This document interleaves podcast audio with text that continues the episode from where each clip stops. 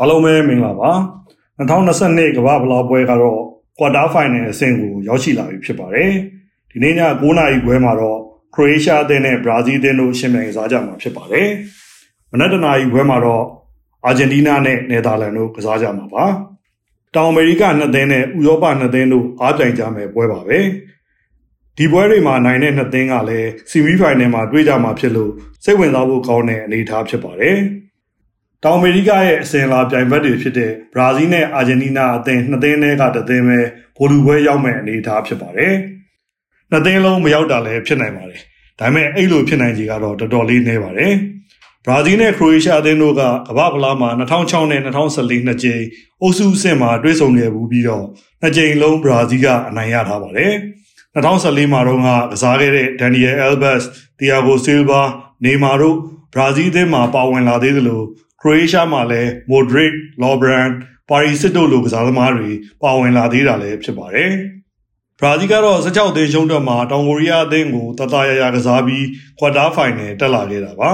။ခရိုအေးရှားအသင်းကတော့ဂျပန်အသင်းကိုနောက်ကနေလိုက်ကစားပြီးတော့ပယ်နတီအဆုံးဖြတ်မှာမှဂိုးသမားလီဗာကိုဗစ်လက်စွမ်းပြကာကွယ်ခဲ့လို့ကွာတာရောက်ရှိလာခဲ့တာပါ။ခရိုအေးရှားအနေနဲ့ ဒီကမ္ဘာဖလားမှာရှုံးပွဲမရှိဘူးဆိုပေမဲ့လည်းနိုင်ပွဲတစ်ပွဲပဲရှိခဲ့တာဖြစ်ပါတယ်။ဘရာဇီးအသင်းကတော့ကင်မရွန်အသင်းကိုမထင်မှတ်ပဲရှုံးခဲ့ရပေမဲ့လက်ရှိခြေစွမ်းကတော့ခရိုအေးရှားထက်သာလွန်ပါတယ်။နောက်ပြီးအသင်းရဲ့ကစားကွက်ကိုအပြောင်းလဲလုပ်နိုင်တဲ့ကစားသမားကဘရာဇီးအသင်းမှာပိုပြီးတော့များပါတယ်။2018မှာဘိုလူပွဲတက်ခဲ့ပေမဲ့လည်းဒီတစ်ချိန်တော့ခရိုအေးရှားအသင်းတို့ကွာတာဖိုင်နယ်နဲ့ပဲကျင်းနေရမယ့်အခြေအနေပဲဖြစ်ပါတယ်။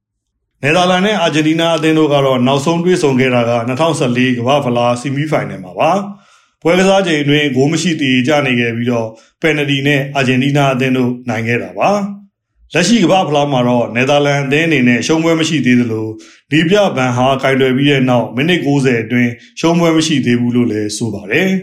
အာဂျင်တီးနားအသင်းကတော့ပွဲဥရက်ဆော်ဒီနဲ့ပွဲမှာရှုံးပွဲတွေ့ကြုံပြီးတဲ့နောက်16သင်းအဆင့်အထိအမှားယွင်းမရှိတက်လာနိုင်ခဲ့တာပါ ဒါပေမဲ့လည်းအာဂျင်တီးနားအသင်းဟာဂိုးရဖို့အတွက်တော်တော်လေးရုန်းကန်ရတဲ့အသင်းလို့တော့ပြောရမှာဖြစ်ပါတယ်။လက်ရှိခြေစွမ်းပိုင်းမှာနှစ်သင်းလုံးတူညီနေတဲ့အတွက်ကြည်ကောင်းမဲ့ပွဲစဉ်တစ်ပွဲတော့ဖြစ်မှာပါ။အမှားလုပ်တဲ့အသင်းကအိမ်ပြန်ရဖို့များနေပြီးပယ်နတီအဆုံးဖြတ်ထိလည်းရောက်သွားနိုင်ပါတယ်။အားလုံးကိုကျေးဇူးတင်ပါတယ်။